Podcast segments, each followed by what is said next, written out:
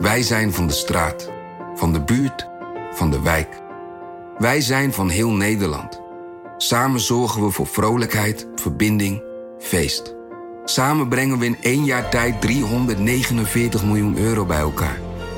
Miljoenen waarmee onze goede doelenpartners de wereld groener, gezonder en rechtvaardiger kunnen maken.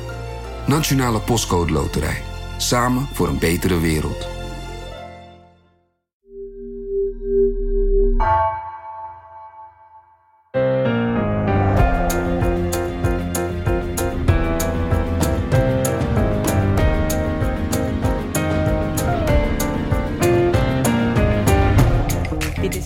Zaken van NRC. Mijn naam is Lemja Aroy.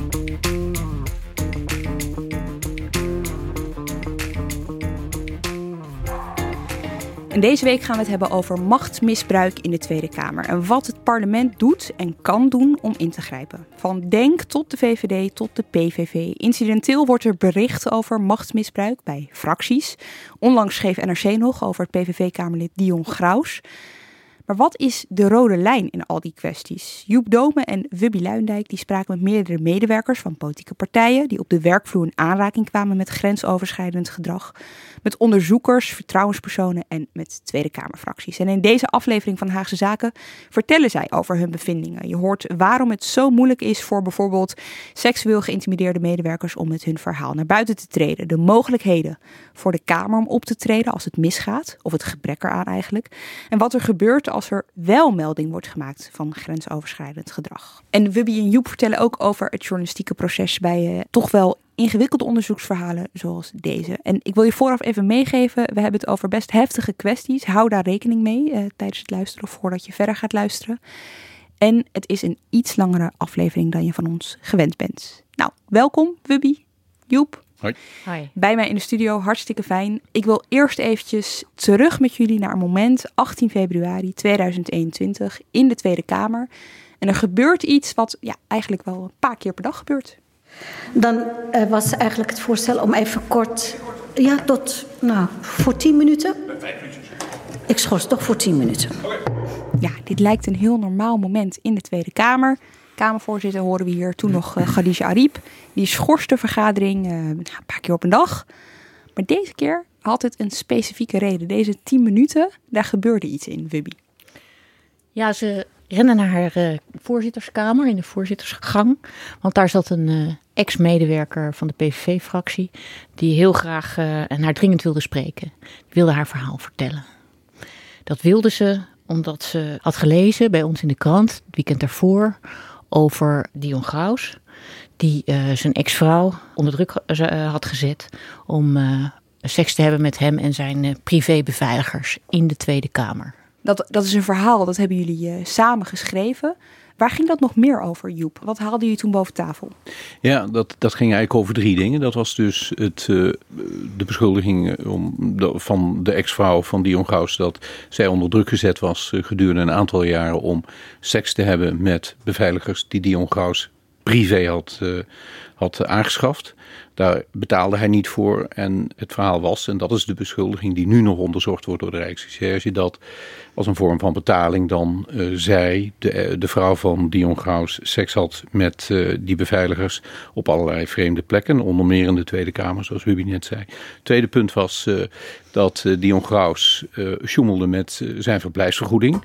Nou, die kwestie wordt ook onderzocht door de Rijksrecherche. Dat zit in het materiaal dat de ex-vrouw had ingeleverd bij de Rijksrecherche. En dat ziet erop dat uh, Dion Gauss uh, tegen de Kamer vertelde al jarenlang dat hij in Heerlen woonde. Op het adres van zijn moeder. Maar in werkelijkheid, zei die ex, ja, woonde hij daar niet. Daar kwam hij wel eens een keer. Maar hij woonde gewoon in een appartement in Voorburg. Nou, als je in Heerlen woont, dan krijg je meer vergoeding dan dat je een appartement in Voorburg hebt. Dat ligt op een paar kilometer van het, vrij, van het Vrijthof. Ik kom uit Maastricht, dat hoor je wel. Nee, dat ligt op een paar kilometer van het Binnenhof. En dan hadden we nog een derde beschuldiging en dat was de belastingen. Ja, hij trok uh, bij zijn belastingaangifte, uh, inkomstenbelasting, trok hij een perceel, de rente van een hypotheek af voor een perceel wat hij niet mocht. Dat is een vrij ingewikkeld verhaal, maar het ging dus om drie verschillende soorten van misdragingen. En uh, die medewerker die dus bij uh, Ariep in de kamer stond, die had dat verhaal gelezen, sloeg vooral aan op het eerste deel en Zeker. wilde haar verhaal ook kwijt. Wat vertelde zij? Ja, zij vertelde de vertrouwenspersoon en mevrouw Ariep dat zij ehm, ook dringend hen moest spreken. En dat ze ook uh, hem had vergezeld, uh, Dion Graus, op werkbezoeken en tijdens etentjes. Dat hij uh, haar alcohol had laten drinken. En dat was eigenlijk helemaal niet gewend. En dat ze daarna heel veel ernstige dingen heeft uh, gedaan. Ze zei het heel omvloerst.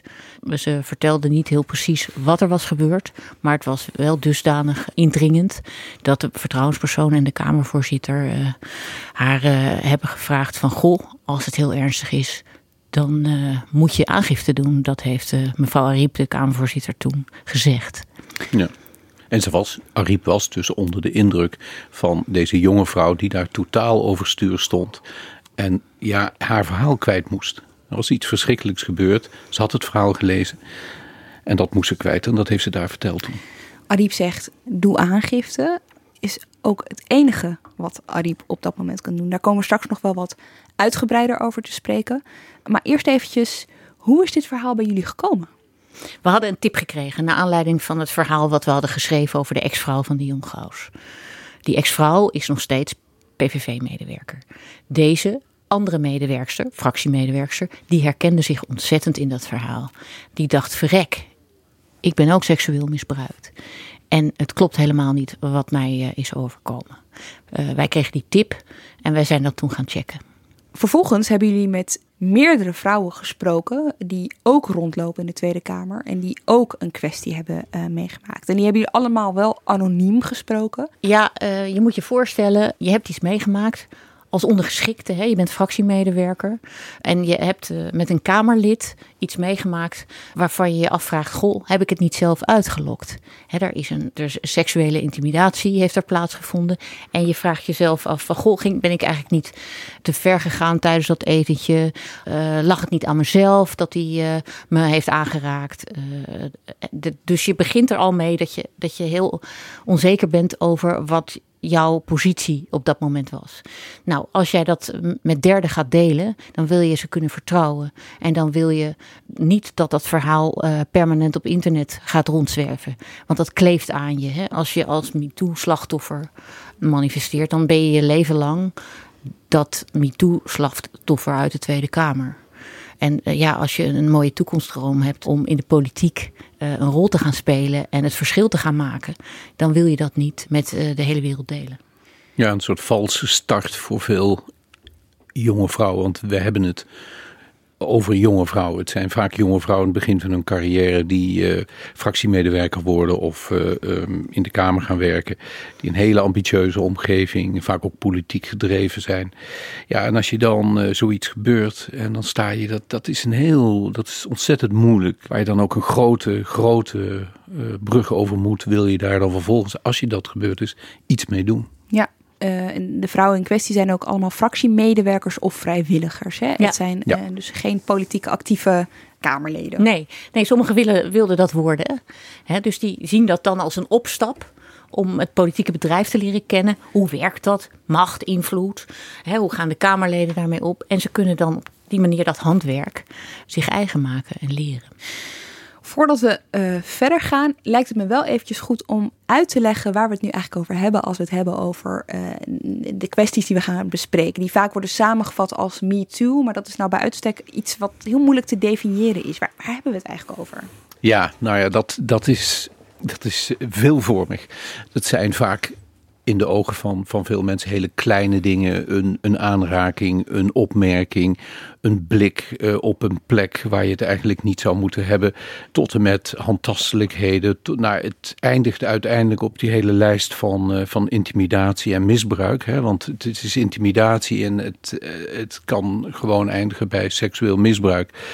En dan hebben we het over aanranding en over verkrachting. En dat hele palet, dat is waar wij naar kijken. En wat ook eigenlijk valt onder dat begrip dat voor ons van belang was. Ja, en dat het verschilt natuurlijk per persoon. Hè? De ene persoon vindt het niet zo erg als uh, je uh, een huppeldoos wordt genoemd.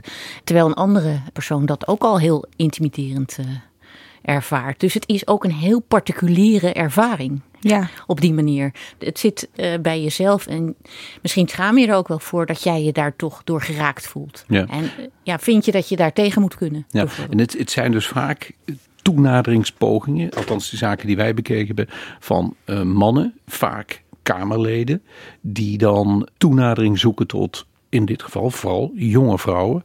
En um, dat is met een duidelijke bedoeling. En daar eindigt het soms. En soms komt het niet zo ver. En het ligt er ook aan hoe sterk een vrouw is.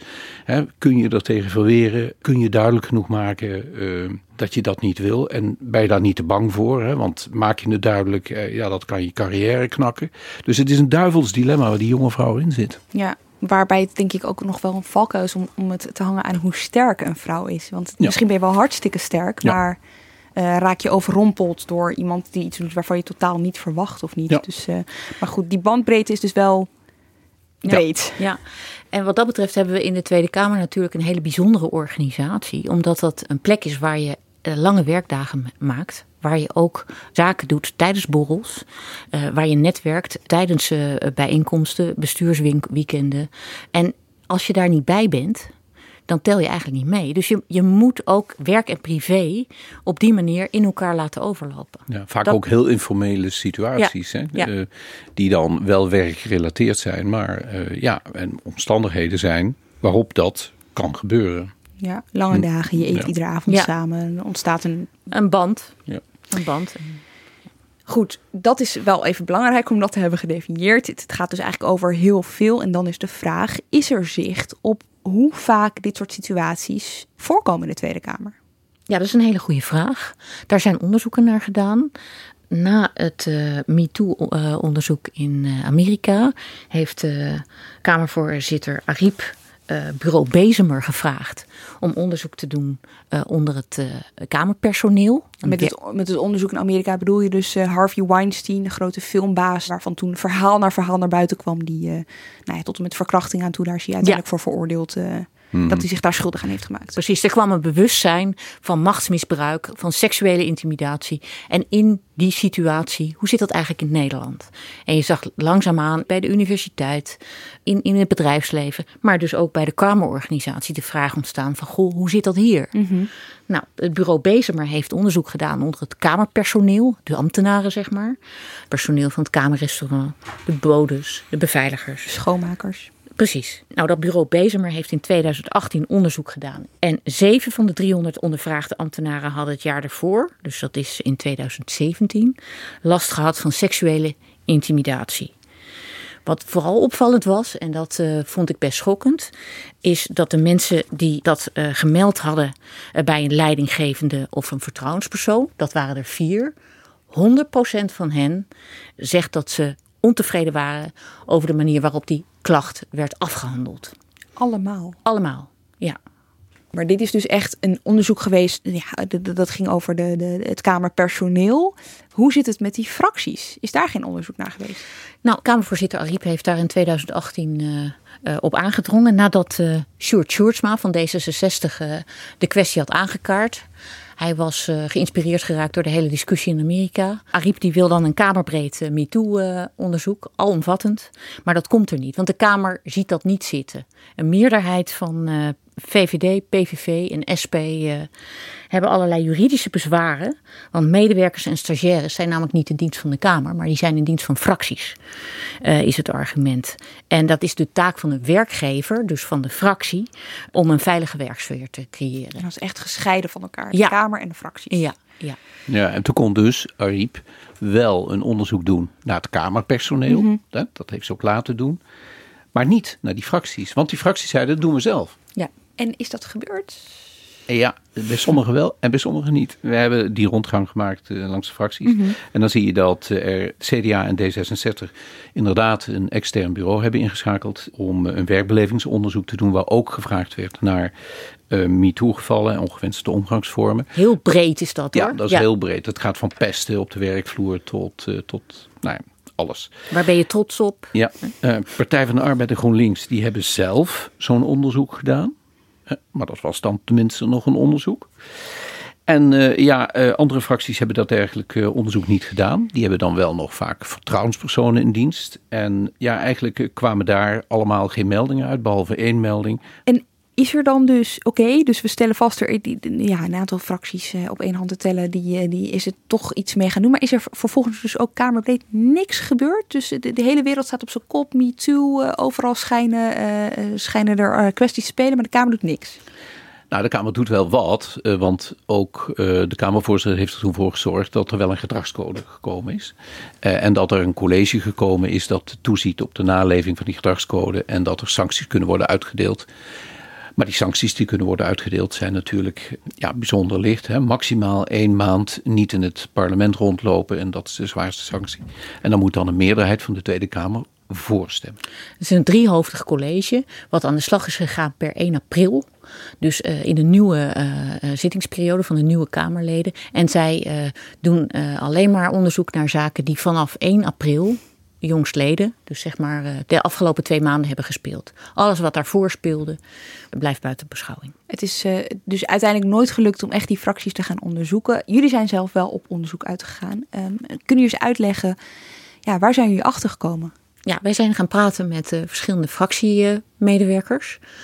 En uh, we hebben ook uh, een aantal fractiemedewerkers gesproken die te maken hadden gehad met seksueel, seksuele intimidatie door een Kamerlid, die al in het nieuws waren gekomen.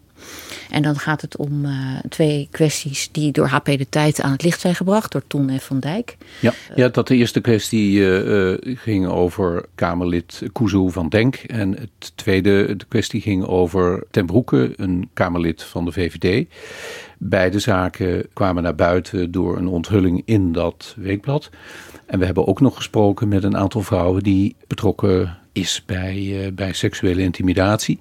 Uh, van affaires die nog niet naar buiten gekomen waren tot op dat moment. Ja, ja, en dan gaat het om uh, medewerkers, oud-medewerkers, die voor de PVV-fractie uh, uh, ook werkzaamheden voor Dion Gauws verrichten. Ja, precies. Dus eigenlijk een breed scala aan mensen waar jullie mee hebben gesproken. Sommige die, die we al kennen, maar daar hebben jullie wat, wat meer over naar boven gehaald, zal ik maar mhm. zeggen. En een aantal ja. nieuwe. En, en, wat vooral bij, die, bij de vrouwen die al zeg maar, betrokken waren in die bekende affaires, die naar buiten gekomen waren, was voor ons heel belangrijk om met ze te praten en na te praten en te kijken van hoe is dat nou gegaan? Hoe heb je het nou ervaren, uh, die, die, kwestie? Hoe heeft de fractie het afgehandeld?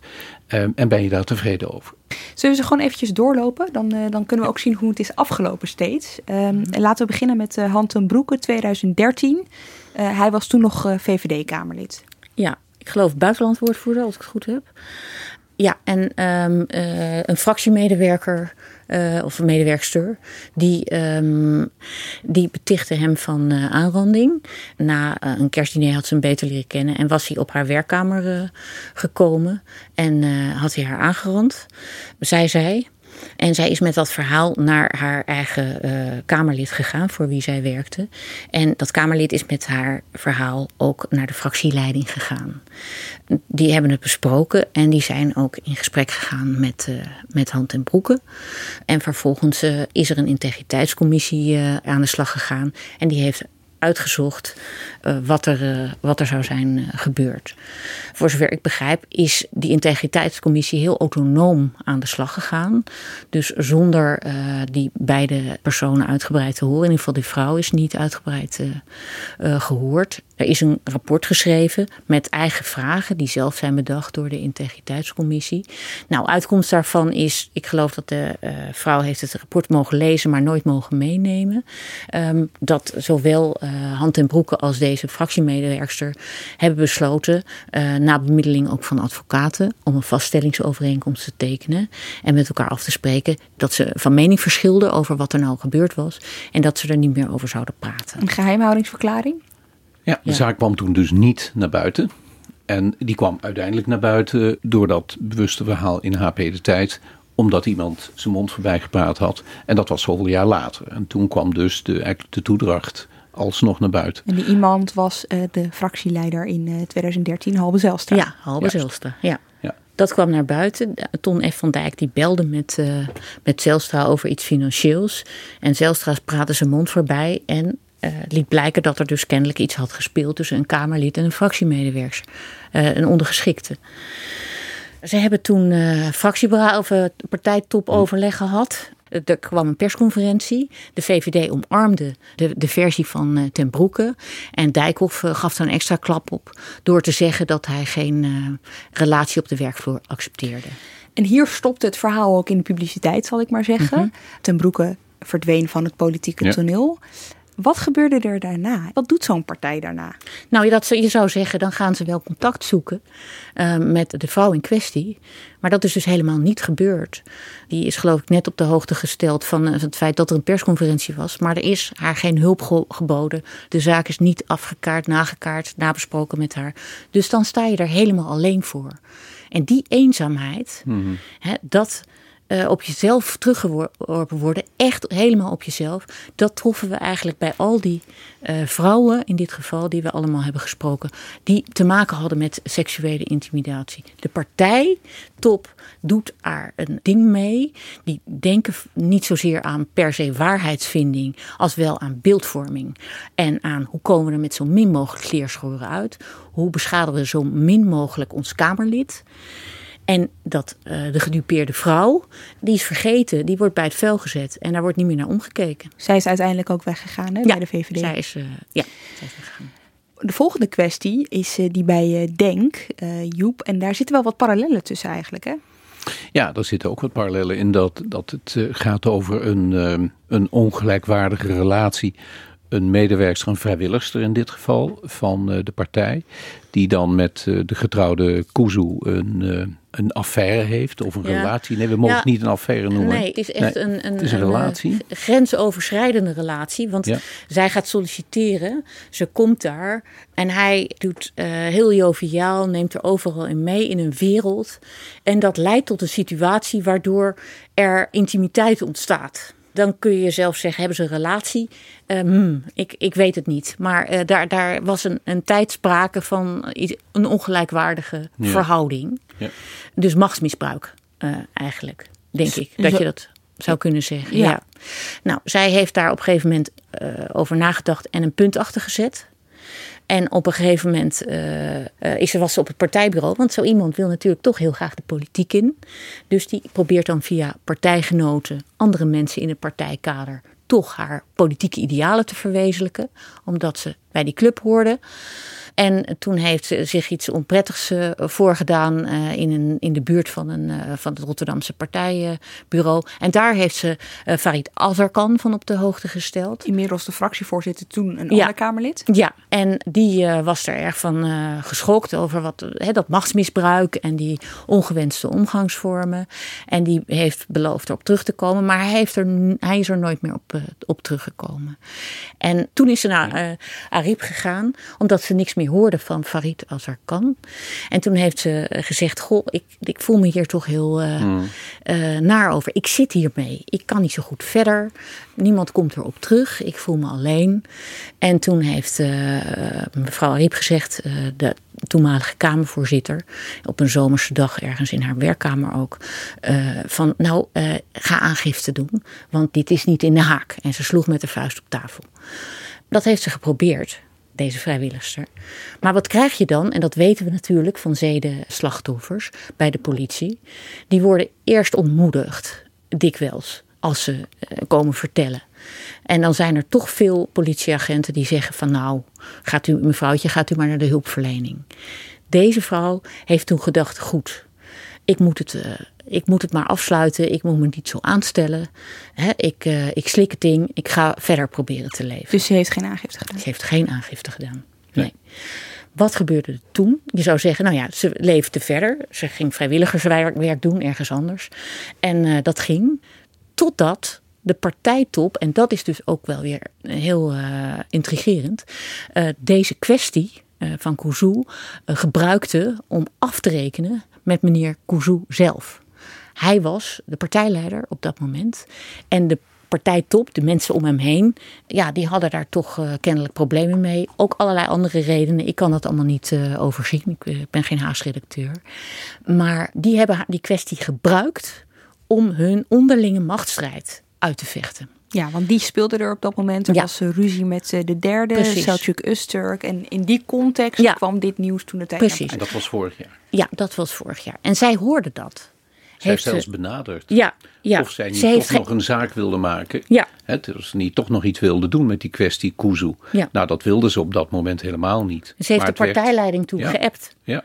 Ik wil dat u stopt met achter mijn rug om mijn kwestie te misbruiken voor eigen gewin. Eh, maar ja, dan denk je, nou, dan houden ze dat wel buiten, hè, buiten de, de eh, orde. Maar dat is niet zo. Want eh, diezelfde week draagt Kuzu, dus degene die zich ja, had bediend van ongewenste intimiteit richting haar, die, die draagt onder druk van de partijtop het fractievoorzitterschap over aan Farid Azarkan. En die legt het partijleiderschap neer. Dus eigenlijk ziet zij gebeuren hoe in eerste instantie als zij behoefte heeft aan hulp er niet wordt ingegrepen. En op het moment dat zij denkt, oké, ik laat het gaan, dat het onderdeel wordt van een soort van politieke ruzie tussen Ja. eh, verschillende mensen. Als het politiek opportun is, wordt er iets mee gedaan. En nog niet eens een hulp naar haar, maar wordt er gewoon, het wordt gebruikt in een politieke strijd binnen een partij. Dit is ook een mooi voorbeeld om te laten zien hoe politiek MeToo hier is aan het Binnenhof. Ja. Hè, dat, is, eh, dat, dat geldt eh, dat als je een kwestie hebt in je fractie, dat je eigenlijk het liefst die kwestie niet naar buiten brengt, in het belang van de partij. Dat je, dat je het Kamerlid beschermt, zolang dat mogelijk is. En dat je niet echt goed omziet naar het slachtoffer. En dat is, eh, ja, dat is hier eh, overduidelijk. steeds weer gebeurt. Ja. Een laatste kwestie die we misschien nog wel eventjes kunnen bespreken is er een bij GroenLinks. Ja, dat is ook interessant. Want die Eh, kwam naar buiten zonder dat iemand dat Ja. eh, gespind had. Ja, opeens was een rechtszaak Ja. eh, bij de kantonrechter een ontslagprocedure van een, eh, een medewerker van de GroenLinks-fractie. en eh, die, eh, die moest ontslagen worden, want er was wat gebeurd in het verleden. Hij had zich eh, onbetamelijk gedragen richting een stagiaire, meer dan dat. Er was een kerstdiner geweest. Hij zou met eh, eh, de stagiaire kon niet meer naar huis. De treinen reden niet meer. Ze zou dan bij hem een overnachtingsplek krijgen. En hij is handtastelijk geworden op weg naar de slaapplek. En eh, heeft dingen gedaan die hij niet had moeten doen. Heeft er uiteindelijk midden in de nacht achtergelaten. En de stagiaire zelf, totaal hulpeloos, heeft de dag daarna dit verteld in de fractie. En vervolgens is hij daar wel op aangesproken. Eh, hij heeft er een douw op gekregen. En uiteindelijk, nadat het allemaal wat stroef liep binnen die fractie, is men ook een ontslagprocedure begonnen. Dat eh, leidde uiteindelijk inderdaad tot een ontslag. Maar allemaal nog binnenskamers. En het is alleen maar naar buiten gekomen omdat er sprake was van een eh, publicatie op rechtspraak.nl. Waardoor we weten hoe dat is gegaan. Ja. Ja. Uiteindelijk is degene die is ontslagen alsnog binnen GroenLinks, heeft hij een andere functie gekregen. Hij is gaan werken voor eh, wethouder in Den Haag, Liesbeth eh, van Tongeren. Weet jullie eigenlijk hoe het met haar is afgelopen? Ja, nou, eh, voor zover wij weten heeft eh, GroenLinks zich wel bekommerd om haar. En is er ook nazorg geboden. En het interessante hier is natuurlijk dat deze zaak een beetje atypisch is. Want we hebben het in, in alle gevallen eh, die wij bekeken hebben over kwesties waar een Tweede Kamerlid betrokken was Ja. bij een intimidatie of een misbruikssituatie. En hier ging het om een medewerker die een andere medewerker, in dit geval een stagiaire, had eh lastiggevallen.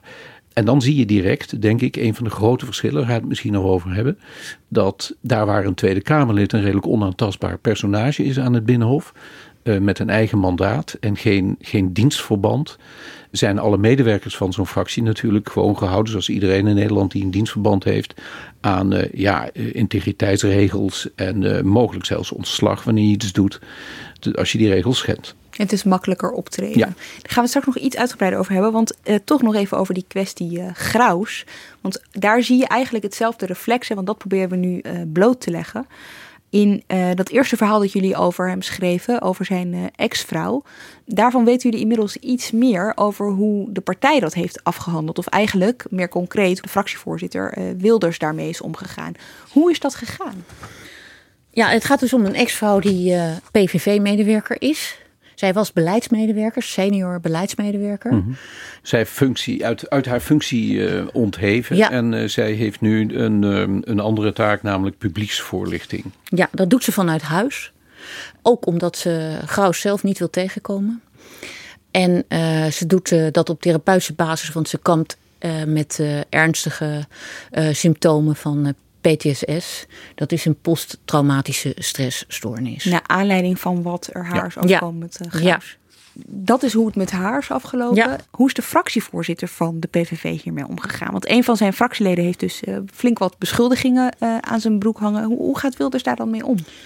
Ja, dat is ingewikkeld, want het is natuurlijk een uh, tamelijk gesloten bolwerk, PVV-fractie, die uh, toch ook niet heel um, toeschietelijk zijn in het delen van hoe, uh, hoe zij omgaan met elkaar. Maar uh, wat wij uh, hebben kunnen achterhalen is uh, dat als Dion Graus en zijn vrouw uit elkaar gaan, dan informeert die vrouw, dus medewerkster van de PVV, ook Geert Wilders, dat is haar werkgever.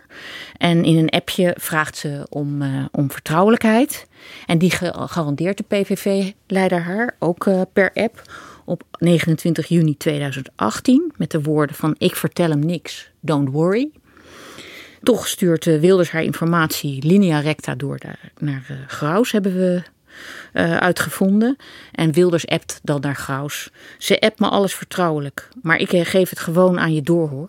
Jij bent mijn vriend, ik heb niks met haar. En over de aangifte hoeft Graus zich ook helemaal geen zorgen te maken die ze dan heeft gedaan ja. tegen haar ex. Wilders zegt dan kansloos. Ja. En ridders steunen elkaar. Ja, dit, dit laat dus zien, dit, is een, dit vind ik eerlijk gezegd heel schokkend detail. Het is ja bijna geen detail, maar het is wel heel schokkend. Om te zien hoe inderdaad de fractiemedewerkster in de kou wordt gezet. En het Kamerlid de protectie krijgt van de fractievoorzitter, die eigenlijk voor beide er zou moeten zijn. Overigens is dit niet vreemd. Het is de rode draad gedurende de afgelopen jaren, twintig jaar, in de verhouding tussen uh, Wilders uh, als partijleider en fractievoorzitter en dit Kamerlid, allebei uit Limburg komend, allebei zich ridder noemend. Er is eigenlijk altijd protectie geweest, wat Dion Graus ook deed, met welke verschrikkelijke dingen hij ook in het nieuws kwam, welke beschuldigingen er ook kwamen. Er is altijd, ja, eigenlijk is, past dit appverkeer daar naadloos in. Het is, het is een, een bescherming, een soort beschermengel Menig andere fractievoorzitter eh, had waarschijnlijk al lang ingegrepen. Maar hier dus niet. Nee. En de rol van de fractiegenoten, dus de, de andere fractieleden, dat is toch heel onduidelijk. We weten in ieder geval uit ons vorige onderzoek dat uh, Fleur Agema destijds, uh, daar hebben we ook op de website wel fragmenten van te horen, uh, ruzie maakt met Dion Graus. Als hij zich voortdurend ruzie maakt, zich in de fractie misdraagt. maar hoe dat nu gaat op dit vlak, en of de, bijvoorbeeld de fractie niet heeft aangedrongen op eigen onderzoek naar wat hier nou toch allemaal misgaat, dat, dat weten we niet. Het verhaal over Graus en ook uh, de podcast die jullie eerder maakten bij vandaag zetten we even in de show notes. Om toch wel ook die context mee te krijgen. Wat me opvalt in al deze kwesties, en dit zijn de kwesties die of jullie openbaar hebben gemaakt of anderen. Jullie hebben ook meer mensen gesproken van kwesties die nog niet aan het licht zijn gekomen. Wat me wel opvalt is die rode lijn van die vrouwen die eigenlijk steeds aan het kortste eind trekken. Uh, dus wat je net al beschreef, Joep, er zit een soort hiërarchie in van eerst het partijbelang, dan het Kamerlid en uh, meestal wordt het slachtoffer, uh, daar wordt dan dus hm. niet naar, ja. naar omgekeken. Wat voor overeenkomsten zien jullie nog meer? En dan wil ik het vooral hebben over de, de, hoe, hoe de Kamer zelf reageert op dit soort kwesties. Ja, het is, het is interessant om neem nou die, die zaak Gauws. Hè? Die, die komt dan voor de verkiezingen in het nieuws. Uh, wij brengen dat verhaal over, over die, die aangifte en over de details. En over dat zijn vrouw uh, uh, nieuw materiaal heeft ingeleverd bij de Rijksrecherche. Het zou moeten blijken dat zij werd uitgeleend aan die beveiligers. Plus die andere feiten. Nou, dan, dan denk je daar, daar gaat iets gebeuren. Hè? Nou, dan zie je voor de verkiezingen, dus voor de verkiezingen, dat het inderdaad een item wordt. Heel eventjes is uh, Jesse Klaver in Buitenhof en zegt... ja, dat zouden we toch eigenlijk moeten onderzoeken als uh, Kamer. Ik vind inderdaad dat er een verantwoordelijkheid ligt bij de Tweede Kamer... om te onderzoeken of, of het slachtoffer voldoende is gehoord... of er vertrouwenspersonen zijn bij, bij de PVV... en of hier voldoende onderzoek naar wordt gedaan. En dat deze persoon niet alleen staat. Wel nadat zijn uh, eigen oud-GroenLinks-Kamerlid ja, uh, Katelijne Buiten... Buitenweg al een opmerking erover gemaakt had. Hè, op, al op Facebook, Facebook uh, gezegd dat hier, dit kunnen we niet zomaar laten passeren. Het is toch is, dit, dat kan niet. Nou, dan zegt Jesse Klaver er iets over. Maar als er kan, hè, die als er kan, die heeft er ook een opmerking over. Ja, die valt Wilders keihard ja. aan tijdens een uh, verkiezingsdebat op Radio ja. 1. Ik reageer even op de islam. De islam behandelt vrouwen met meer respect dan uw partij. U staat toe dat Dion Graus in uw partij, die zijn eigen vrouw, een fractiemedewerker, laat misbruiken door beveiligers en u doet daar niets tegen. U beschermt haar niet. Dan hebben we natuurlijk uh, het verkiezingsdebat waarin uh, premier Rutte tegenover uh, Wilders staat en Rutte even het woord graus laat vallen en dan gebeurt er dit. Nou, het is een flauwe grap over Dion Graus. Er is ongeveer een waslijst, meneer Rutte, van twintig corrupte VVD'ers. Er zijn sommigen zelfs in de gevangenis beland. Ik zei niks over geld hebben. Ik voel als hij minister nee, is maar, nou, maar dit is een flauwe grap om zijn naam te noemen. Ik weet niet oh. wie u dat heeft ingefluisterd. Maar als ik nou even doorga over de VVD'ers die niet deugen, die corrupt zijn, die met een hand in de kas hebben gezeten, dan ben ik nog wel drie dagen bezig. Ik heb u dus wel geraakt, geloof ik. Ja, het is, ja, zeker. U raakt mij als een collega waar niets van bewezen is. Als u die nu even in een verkeerd daglid gaat zetten, dan sta ik achter mijn mensen en dat doet u niet. Wat u doet, neem meneer Rutte, nu ben ik in het woord. Wat u doet, is op het moment dat er iets fout gaat, zoals bij de toeslagenaffaire, dat u wel een grote mond heeft. Maar Hij ontploft. Ja, hij ontploft. En dat is allemaal voor de verkiezingen. Dus wij uh, maken dit verhaal. Uh, wij komen nog bij een aantal van die mensen terug. We belden Jesse Klaver. Uh, ja, die, uh, die was dan maar via de woordvoerder uiteindelijk uh, een verzoek gedaan om met hem hier nog eens over door te praten. Hè? Van hoe kan het nou toch dat er na de verkiezingen eigenlijk niemand meer over gesproken heeft? Dat deze kwestie Graus naadloos verdwenen lijkt in de politieke actualiteit. Dus de vraag voor Jesse Klaver was, wil je er nog eens over praten? En hoe kan het nou toch? Je roept op tot een onderzoek en het, het is muisstil, het is overdovend stil bij alle partijen hoor, eerlijk gezegd. Nee, en nee. ook over alle kwesties, want even D66 niet te vergeten. Die partij heeft ook vlak voor de verkiezingen een uh, rapport gepresenteerd over de uh, werkbelevingsonderzoek. Ja, dat was uh, echt vlak voor de verkiezingen. Een paar weken voor de verkiezingen kwam Bing, ook een onderzoeksbureau, kwam met een rapport. deed onderzoek naar dit soort kwesties bij D66. Dat was een hele concrete aanleiding, want er was een D66-stratege die was beschuldigd van machtsmisbruik, van ongewenst gedrag. En in dat rapport stond dat er best wel wat kwesties waren, wat vrouwen waren die zich ook af en toe op een manier bejegend voelden die zij als onprettig uh, hebben ervaren. En nou ja, dat was heel snel eigenlijk alweer voorbij. Want D66 die gaf toe, er zijn in het verleden onveilige situaties geweest. En die namen alle conclusies over. En die stelde meteen Winnie Zorgdrager, een oude bekende in de politiek hier. Die gaven ze meteen een, een post. Uh, die werd voorzitter van het team verantwoord gedrag. Die gaat zich bezighouden met nieuwe richtlijnen. Goed, allemaal goede voornemens, maar daarmee wordt zo'n onderwerp dan afgehecht, zoals ze dat dan hier noemen. En dat is het. Ja, wij hebben nog even gevraagd of we mevrouw Zorgdager konden spreken. Aha. Want uh, die was is een interessant persoon, want ze was eerder ook in de Tweede Kamer integriteitsadviseur. Maar uh, nou ja, aanvankelijk reageerde de voorlichter uh, enthousiast en dat ging hij wel even regelen. En eind vorige week zou hij dat nog steeds even regelen. maar deze week is hij stilgevallen. Dus nee, ook mevrouw Zorgdrager heeft niet gereageerd. Nooit van gekomen. En dat was dus bij Jesse Klaver het geval. Wij wilden heel graag met hem praten, omdat hij er als fractievoorzitter van GroenLinks in de verkiezingstijd een punt van gemaakt had. Nou, dan wil je nu weten waarom dat zo stil is en uh, is er nog wat gebeurd. Als ja, dan is hij, en dan, dan, ja, maar dan, dan is hij dus dan is die, heeft hij geen tijd meer voor een gesprek. En dan is het niet een topic om nu nog te bespreken. Nou, als er kan, heb jij. Uh, ja, die hebben wij ook uh, benaderd. Na die uh, felle uithaal richting Wilders.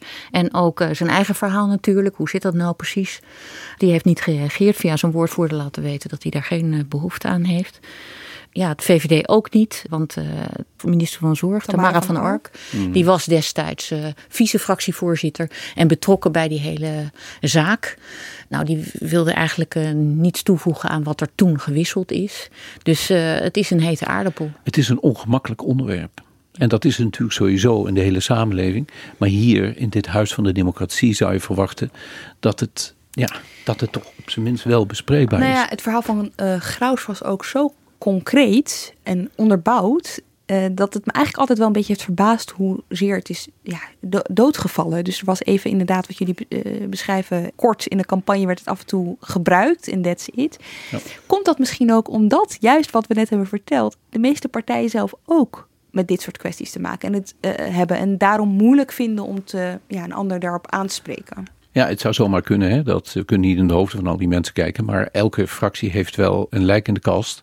En er zijn van SP tot Denk, eh, VVD, noem de partij maar op. Er zijn allemaal kwesties geweest in de afgelopen jaren. die in meer of mindere mate eh, in de publiciteit zijn gekomen.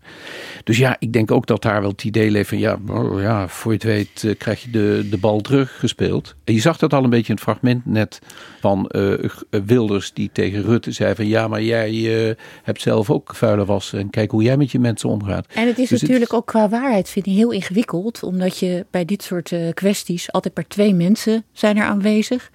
Er zijn vaak geen getuigen bij die het uh, hebben gezien gebeuren.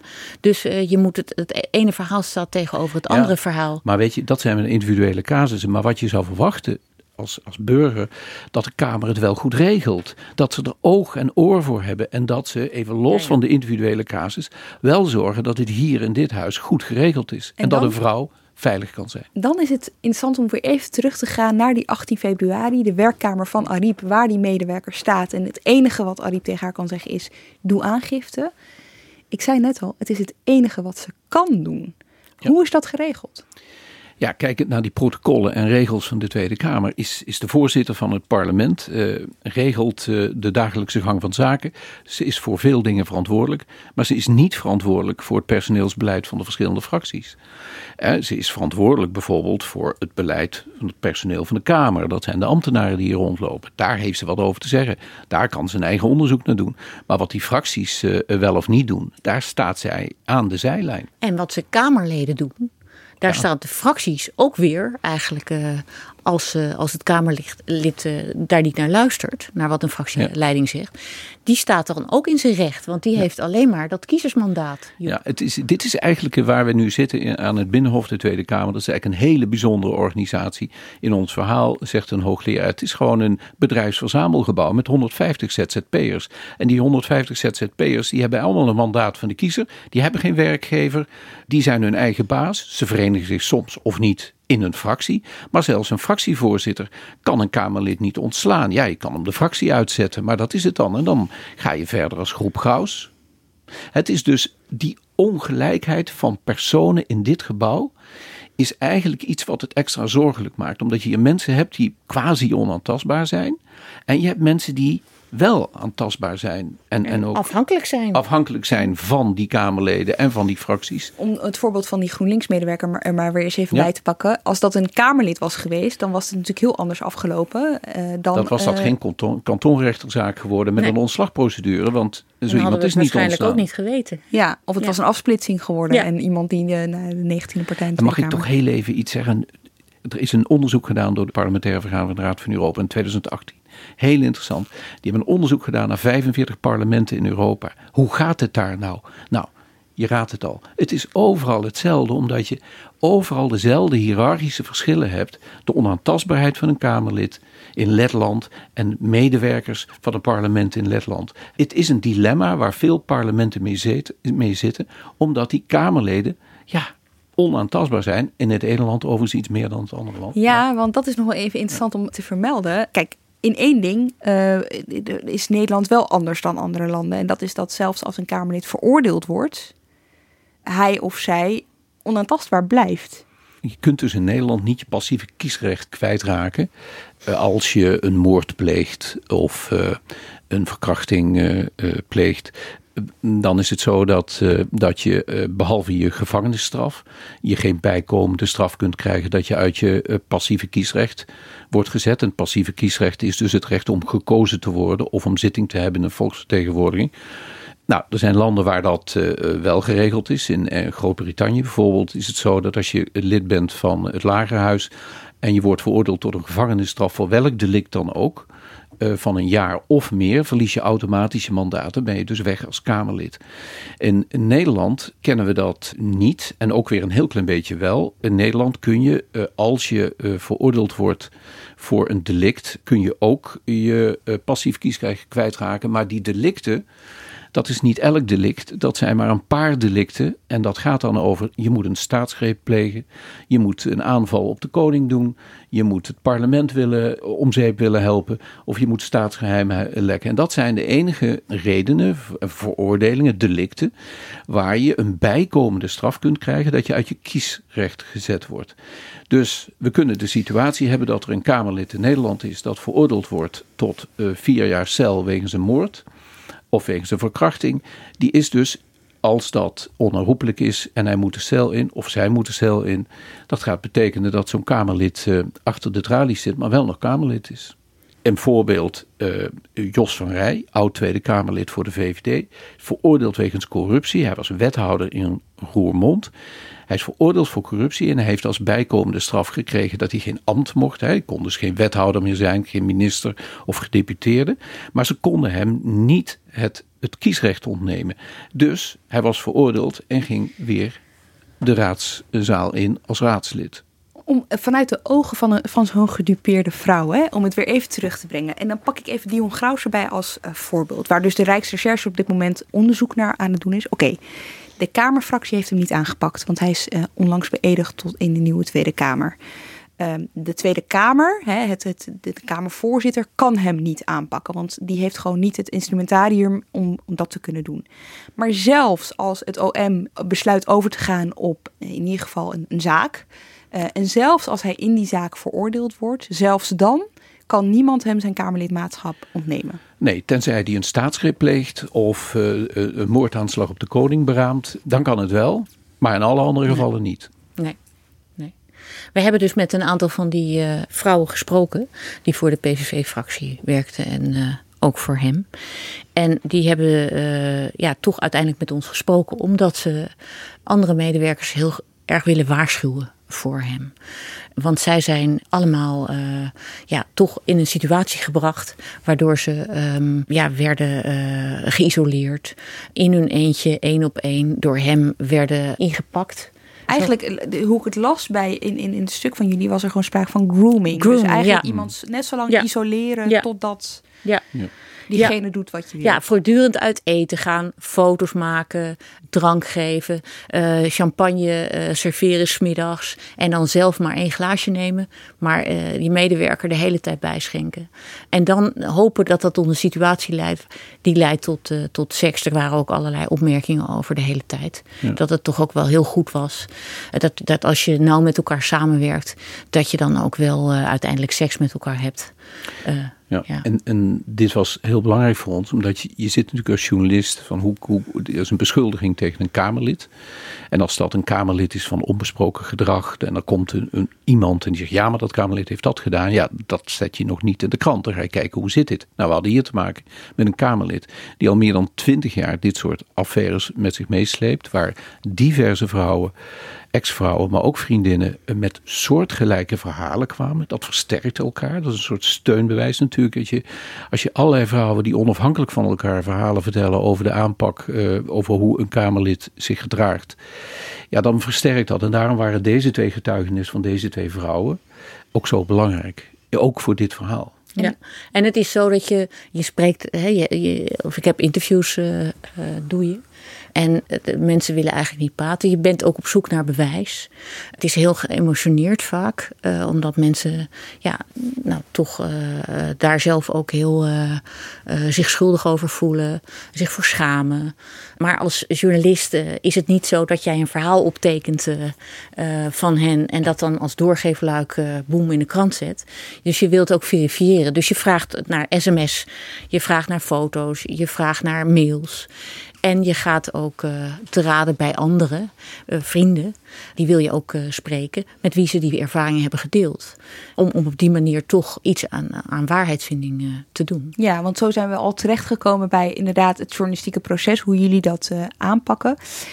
Dit lijkt me toch wel anders op een bepaalde manier. Dat omschrijf je eigenlijk al door, de, door die emotionele kant die eraan zit, dan andere onderzoeksverhalen die jullie ook wel eens maken. Wat, wat betekent dat voor de manier waarop je het aanpakken?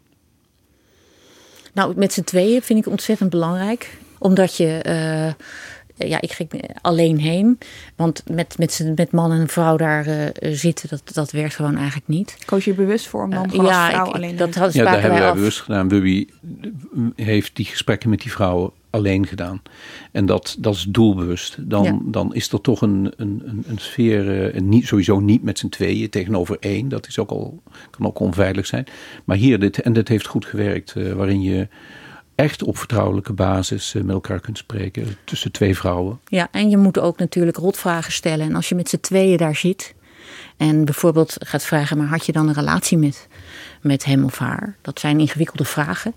Uh, dan voelt dat als een kruisverhaar. Terwijl je hebt een gesprek. Hè? Dus je moet daar op een hele open, empathische manier met elkaar in gesprek blijven. Ja. En dan hoor je dat allemaal. En dan komt er natuurlijk ook een moment waarop er wederhoor gepleegd moet worden. En dat lijkt me in dit soort gevallen ook net iets ingewikkelder. Tenminste, het journalistieke werk is hetzelfde. Namelijk, je gaat naar de, de andere partij en je vraagt: klopt het? Ik heb dit en dit ja. en dit gehoord. Hoe ging dat bijvoorbeeld in de, in de kwestie uh, Graus? Ja, ja, nou, we hebben hem gemaild. Allereerst uitgenodigd per mail. Dat heeft Ruby gedaan. Voor een gesprek. He, want je wilt, het, je wilt het eigenlijk liever niet schriftelijk afhandelen. Je wilt iemand in de ogen kijken. Je wil met hem, met hem praten. Daar reageerde hij niet op. Uh, vervolgens uh, hebben we, en dat hoort zo, ja, als die niet reageert, ja, dan hij moet toch de gelegenheid hebben om te weten waar de publicatie over gaat en welke beschuldigingen er zijn. Dus die hebben we in een tweede mail gezet en we hebben alle details daarin gezet. We hebben gesproken met vrouwen. Uh, er zijn, is een kwestie geweest uh, bij mevrouw Ariep, waar iemand uh, is gaan klagen. En, en jij bent ook bij Ariep geweest. Hè? Die heeft met jou gesproken over die kwestie. Nou, alles kwam voorbij. En vervolgens kreeg Wubby een telefoontje. Ja, dat uh, was ook kort nadat we ook al een uh, mail naar uh, PVV-leider Wilders hadden gestuurd. Met deze vragen, plus nog een aanvullende vraag. En zijn woordvoerder. Toen kreeg ik heel snel een telefoontje. En ehm, als je Dion Graus aan de lijn hebt, dat is wel heel bijzonder. Ja, dat weten we dus van die banden die we de vorige keer allemaal hebben zitten beluisteren. Dan krijg je een soort monoloog aan de lijn. Eén grote spraakwaterval, waar je amper tussen kan komen. Met afslagen en redeneringen waarvan je je afvraagt: wat, wat zegt hij nou eigenlijk? Het klinkt heel plausibel, maar het, uh, het snijdt volstrekt geen hout. Nee, ik, eh, mag ik er een voorbeeld uit noemen? Ja. Want ik heb het gespreksverslag dus inderdaad even gelezen. En dan op een gegeven moment uh, vraag je hem naar dat hij de hele tijd foto's aan het maken is van zijn vrouwelijke medewerksters. En dat die daar niet op zitten te wachten, maar dat hij daarmee doorgaat. En dan begint hij over Taiwan. Ja, daar gaat hij naar, op het, ja, maar op het consulaat van uh, ja. Taiwan, daar ga je toch foto's maken, zegt ja, hij dan? Ja, precies. Maar toen dacht ik ook bij mezelf, het is, het is, ja, hoe ga je daarmee om? Want het kan ook een soort ontregelende manier zijn. Dat hè? werkt heel ontregelend. Ja, maar ja. het fijne was dat wij dus de ervaring hadden. Die, al die, we hadden dus al die audiotapes ge, geluisterd, hè, die uh, door zijn ex-vrouw ergens zijn ingeleverd. Waar we al die gesprekken op, uh, op hadden gehoord met journalisten. En hoe die probeert zich er voortdurend ongrijpbaar te blijven. Maar ik heb een papiertje gepakt met mijn vragen. En ik dacht, ik heb je nu aan de lijn. Dus vorige keer hebben we hem echt niet kunnen spreken. En ja, dan heb je toch uh, zoiets van, ik moet nu toch wel al die vragen proberen te stellen. Dus iedere keer probeer je hem weer, weer terug, terug te, brengen. Uh, te, brengen. Naar de kern. Ja, naar de kern. Want dit is wel iets uh, waar ik het ook nog eventjes met jullie over wil hebben. Uh, je had het net al eventjes over het audiomateriaal, videomateriaal. In het eerste verhaal waar jullie over hebben geschreven over de ex-vrouw. Um, voor dat verhaal hebben jullie dus, misschien kun je dat zelf uitleggen hoe dat is gegaan, maar urenlang aan materiaal ja. terug moeten kijken. Kun je schetsen? Ja. Ja, we zijn in de, de, daarmee belanden wij in de wereld van Dion Graus. En uh, hij, hij heeft gedurende zijn hele uh, kamerperiode, in, die is in 2006 begonnen, dus dat is al heel lang, 15, 15 jaar, jaar geleden. Heeft hij, heeft hij samen met zijn toenmalige vrouw heel veel opgenomen. Eigenlijk uh, quasi alles. Uh, telefoongesprekken, uh, filmopnames gemaakt. Ze wilde een film um, maken. Hè? En ze wilde uiteindelijk een film en een boek maken. Hij heeft zijn telefoongesprekken met, met Wilders, telefoongesprekken met fractiegenoten. Telefoon, en dat allemaal heimelijk. Ik neem niet aan dat hij dat allemaal verteld heeft van tevoren. Nou, met journalisten, beelden, ook de seks met zijn vrouw, tussen zijn vrouw en die bewakers. Daar, daar, liep hij dan met een cameraatje rond. En dat hebben wij, dat ging om een gigantische hoeveelheid informatie. Maar als je, als je dat dan bekijkt uh, en beluistert, dan kom je in die wereld. In een wereld van, van iemand die Ja, we hebben ons ook afgevraagd, waarom neem je dat nou allemaal op? Waarom, ja, voor, om een boek te maken of een film te maken. Maar ja, dan neem je toch Maar een aantal van die om- dingen helemaal niet voor op. Maar ook om mensen onder druk te zetten. Ja. Hè? En daar, dat, eh, dat Ja. zal hij ongetwijfeld ook met mijn eh, gesprek hebben gedaan. Dat denk ik wel. Daar heb ik ook wel een grapje over gemaakt tijdens het gesprek. En ik moest hem ook de hele tijd terugbrengen bij het onderwerp. Maar hij heeft toen wel toegegeven dat hij eh, over die kwestie waar je mee begon. Hè, eh, dat, eh, dat dus een, eh, een fractiemedewerkster bij eh, mevrouw Ariep en een vertrouwenspersoon had eh, eh, aangekaart eh, seksueel misbruik door Dion Graus. Hij heeft aangegeven dat hij eh, met eh Ariep heeft gesproken. De dag daarna. En dat Ariep hem toen ook gevraagd heeft of hij seks had in de kamer. En toen heeft hij eh, gezegd dat hij dat heeft hij ontkend dat hij dat gedaan heeft. En als je hem dan vraagt, eh, Dion Graus, of hij eh, zich bewust is van het intimiderende, eh, seksueel intimiderende gedrag richting medewerkers, dan, dan zegt hij nee. En hoe kom je alle- erbij? alle Ik, ik draag van mijn meisjes op handen. Ja. Want hij heeft dus een ZZP-team van drie ZZP'ers. Ja. Een PA heeft hij, een eh, juridisch medewerker en een wetenschappelijk medewerker. Het Ja. zijn allemaal vrouwen en die draagt hij op handen. En, hij En dat is, eh, dat is ook de rode draad tussen al die affaires. Tussen de eerste affaire waarmee die toen hij net in de Kamer was, was er al een affaire met zijn toenmalige ex-vrouw. Met een vriendin uit België, met een andere vriendin. Eh, dat, en dan hebben we de kwestie waar wij dus eh, dat bandmateriaal bekijken. Dat was een tweede ex-vrouw. En nu hebben we dan weer eh andere dingen. En als je de rode draad ziet, dan zie je... Het, het zijn allemaal leugens. Eh, het klopt niet. Vindt is- hij? Ja, ja, dat zeker. Dus dat is het verhaal. Hè. Ik vertel nu even hoe die... ehm, en, wat heel belangrijk is, een complot. Het is een complot van die vrouwen. Vaak in samenwerking met journalisten. En eh, dat is eigenlijk allemaal omdat, eh, om hem te schaden. En hij gelooft, en, en dat gelooft hij heilig. Hij denkt nu ook Ja. dat de PVV-fractieleden bij Ja. betrokken zijn hè, bij dit Ja, complot. dat zegt hij dus in dat gesprek met Wubby. Van dit is gewoon een deel van de PVV-fractie die mij kwijt wil. En eh, die spannen samen met eh, ook mijn ex weer eh, om mij kwijt te raken. En weer even terug, eh Wubby, naar al die gesprekken die je hebt gevoerd. Hè? Dat zijn dus eh, ja, ongewone gesprekken over onderwerpen waar die mensen het soms met niemand anders over hebben gehad. Eh, brengt je als journalist misschien ook nog wel in een situatie die je normaal niet echt meemaakt? Nee, nee, absoluut. Eh, die gesprekken kropen onder mijn huid. En ik was vooral aangedaan door de eenzaamheid van die eh, vrouwen. Die gewoon eigenlijk, nou, met enkele uitzondering, op een enkele uitzondering, nou, allemaal eh, ziek zijn. Eigenlijk mentaal eh, in, in behandeling zijn bij een psycholoog. Angststoornissen hebben. De straat niet meer op durven. Depressies hebben. Paniekaanvallen hebben. En ook hun toekomst is eh, hun uit handen genomen. Ja. Ze wilden graag de politiek in. Dat lukt niet meer. Ze durven niet ervoor, eh, mee naar buiten te komen. Ze zijn in de steek gelaten door de fractie. En ze lopen met hun ziel onder hun arm. Want ze hebben geen erkenning gekregen.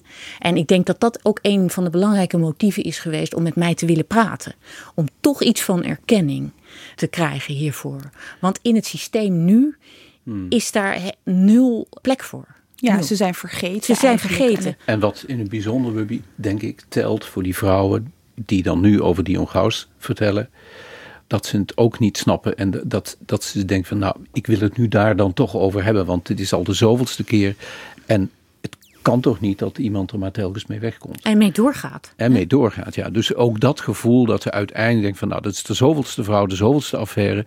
Ja, er zou toch eigenlijk iets moeten gebeuren. Want dat verhaal dat je net schetste, Wubby, van die vrouw die dus, zich dus eenzaam voelen met de ziel onder de arm, dat geldt eigenlijk voor al die vrouwen, hè? Voor, Ja. van, van al die partijen. Ja. Want het is ook nog wel goed, misschien dat je nu luistert en af en toe bij jezelf denkt, wat is dit vaag of waarom wordt dit niet concreter gemaakt? Nou, daar letten we gewoon heel goed op. Daar letten jullie ook heel goed op in jullie woordgebruik. Want dat die vrouwen zijn gaan praten, ja, dat, dat heeft moeite gekost en ze zijn hartstikke kwetsbaar. Dus misschien nog wel even goed om uit te leggen Ja. dat dat er dus soms toe leidt ja, dat je niet zo concreet kan zijn als je, dat je normaal wel Ja. zou willen zijn na zo'n onderzoeksverhaal. Ja, want de bescherming van deze vrouwen, dat stond hier eh, bij eh, voorop. En dat was natuurlijk ook een conditie voor hen om, eh, eh, van hen om, om met ons te praten. Ja. En dat hoort ook, ik bedoel, dit, als je dit vertelt, dan, dan geef je heel veel van jezelf bloot. En zoals gezegd, eh, ja, de angst uh, ook in het geval van Dion Graus natuurlijk. Hè. En ze wilden ook duidelijk maken dat de Tweede Kamerorganisatie... dat dat een hele kwetsbare organisatie is. Met lange dagen, met werken en privé die in elkaar doorlopen. En als jij als jonge vrouw met eh, carrière en toekomstdromen... en meeslepend wil gaan leven... dat je je wel bewust moet zijn van, van de hele ingewikkelde omstandigheden waar je in geraakt. En voordat je het weet uh, zit je vast en, en kan je geen, geen kant meer op. En er is niemand die je steunt. Ja, wat ik nog wel ontluisterend vond, en uh, dat is een beetje de conclusie van deze vrouw, is dat het tegelijkertijd, ja, dat ze bijna een soort waarschuwing geven van misschien kun je het maar beter niet zeggen hmm. als het gebeurt. Ja. Dat is, het klinkt heel paradoxaal. Eigenlijk is dat onthutsend, hè? Nou ja, en ook ergens paradoxaal, want ze, ze treden er zelf ja. naar buiten omdat ze willen dat er iets verandert. Maar tegelijkertijd zit een soort waarschuwing in van die wordt kijk uit. platgewalst. Ja, dus hoe zou je dat dan kunnen doen? Ja, um, we denken in Nederland altijd aan vakbonden en dat soort dingen. Maar wat, wat wel duidelijk is, is dat deze vrouwen geen aanspreekpunt hadden wat op gelijk niveau stond. Ze moesten direct naar een hoger geplaatste. Ze moesten direct naar de fractietop. Uh, dus, dus dat is wel echt een, een uh, lacune, denk ik, in het. Uh, en maar de, vraag is natuurlijk, wat, wat ga je nou regelen? Er zijn vertrouwenspersonen, hè, er is een protocol uh, voor uh, enzovoort. Maar ja, uh, wij spraken met een vertrouwenspersoon die zei: Ja, ik weet niet of iedereen wel naar ons toe durft te komen. Juist vanwege die dingen die we al net uh, besproken hebben. Dus ja, het, het is ook. Het is ja, het is een duivels dilemma. Maar je moet in ieder geval een sense of urgency voelen, ook bij de politiek. Ja. En niet weglopen als je vragen krijgt. En met z'n allen uh, de schouders eronder willen zetten. En ik weet niet of dat zo is. Ik las uh, een week geleden, lazen we een stuk uit van de BBC. En je ziet dat in het lagerhuis, dat daar is een sense of urgency. Daar gebeurt van alles. Daar is een discussie gaande. Daar is het niet een taboe waar niemand over wil praten. Geen politicus. Maar dat is hier wel. En hier zag je dat is veel een open discussie. Ja. En met de stok achter de deur. Dat als iemand zich echt misdraagt en wordt veroordeeld, dat hij ook zijn zetel kwijt kan raken. En dat is het grote verschil hier. Dat is dus niet het geval. Soms helpt het dan als uh, iemand uh, zelf denkt, uh, dan sta ik er zelf wel tegenop. Want over Ariep gesproken, die is inmiddels geen Kamervoorzitter meer. Die kon niks, maar die heeft toch iets gedaan. Ze heeft, ze heeft gesproken met Dion Graus. Dat was de dag na dat uh, de fractiemedewerkster bibberend bij haar op de Kamer was en haar verhaal deed. Ze heeft uh, duidelijk gemaakt, en dat ging dus inderdaad ook over dat verhaal wat wij toen een week daarvoor gepubliceerd hadden. Waar onder andere sprake was van seks in de Tweede Kamer en beveiligers en dat hele gedoe. Ze heeft duidelijk gemaakt dat ze daar dat ze geen intimidatie wenste in de Kamer en dat dat zo niet kon. En heeft hem duidelijk gemaakt dat um, zijn ex-vrouw, die ook nog fractiemedewerkster was van de PV en ook in dat gebouw rondliep. Ja, dat die confrontatie niet aan wilde, heb ik gezegd van joh, ga maar eens eventjes, uh, behalve de stemmingen, gewoon thuis zitten en niet in het Kamergebouw rondlopen. En daarmee ging ze, deed ze natuurlijk al iets wat helemaal niet op papier staat, dat ze kon doen. En, en dat geeft al aan dat bij haar die sense of urgency er wel was. Ja, buiten het protocol om, buiten, buiten de regels, buiten het presidium. Gauws, dit kan zo niet. Ze heeft in elk geval iets gedaan. En ja, en vervolgens komt er een nieuwe Tweede Kamervoorzitter. En, uh, en, en wat ons opviel was dat, ja, en wat ons opviel was dat Dion Gauws weer rondliep in het Kamergebouw en weer gebruik maakte van de voorzieningen zoals het restaurant waar ook fractiemedewerkers zitten. Hij stond in de lift, waardoor die vrouwen zich ook uh, helemaal de ja. rimram schrokken. Ja, dus we hebben. Hij was er weer. Ja. Ja, hij was er weer. Hè. Dus uh, wat wij begrepen is dat er nog geen overdracht geweest is van, uh, van dossiers tussen de oude Kamervoorzitter en de nieuwe Kamervoorzitter. Dat is ook opmerkelijk. Uh, dat is opmerkelijk. Ze, ze zit er toch al een tijd. En, en dit zou een van de dossiers zijn die overgedragen zou moeten worden. Zodat de Kamervoorzitter in elk geval weet wat er in het verleden gebeurd is. En wat voor een informele maatregelen de oude Kamervoorzitter al getroffen heeft tegen dit Kamerlid. Ja. Want daar uh, voorlopig is dat het enige instrument. Een beetje informeel proberen druk uit te oefenen. Autoriteit laten gelden. Ja. En bespreekbaar maken. Ja. Gewoon, en dat is ook denk ik even de reden waarom dat dit verhaal uh, ja, misschien, misschien kan leiden tot, uh, tot het verder bespreken, ook buiten verkiezingstijd om van dit onderwerp. Ja, misschien dit keer wel echt iets losmaakt. Dank ja. jullie wel in ieder geval. Wilby Luijendijk en Joep Domen. Dank ook voor het uh, luisteren. Het stuk van Joep en Wubby staat uh, deze zaterdag in NRC, vind je ook in de show notes. Redactie en productie van deze aflevering door Iris Verhulstonk. Montage door Pieter Bakker. Volgende week is er weer een Haagse Zaken. Tot dan.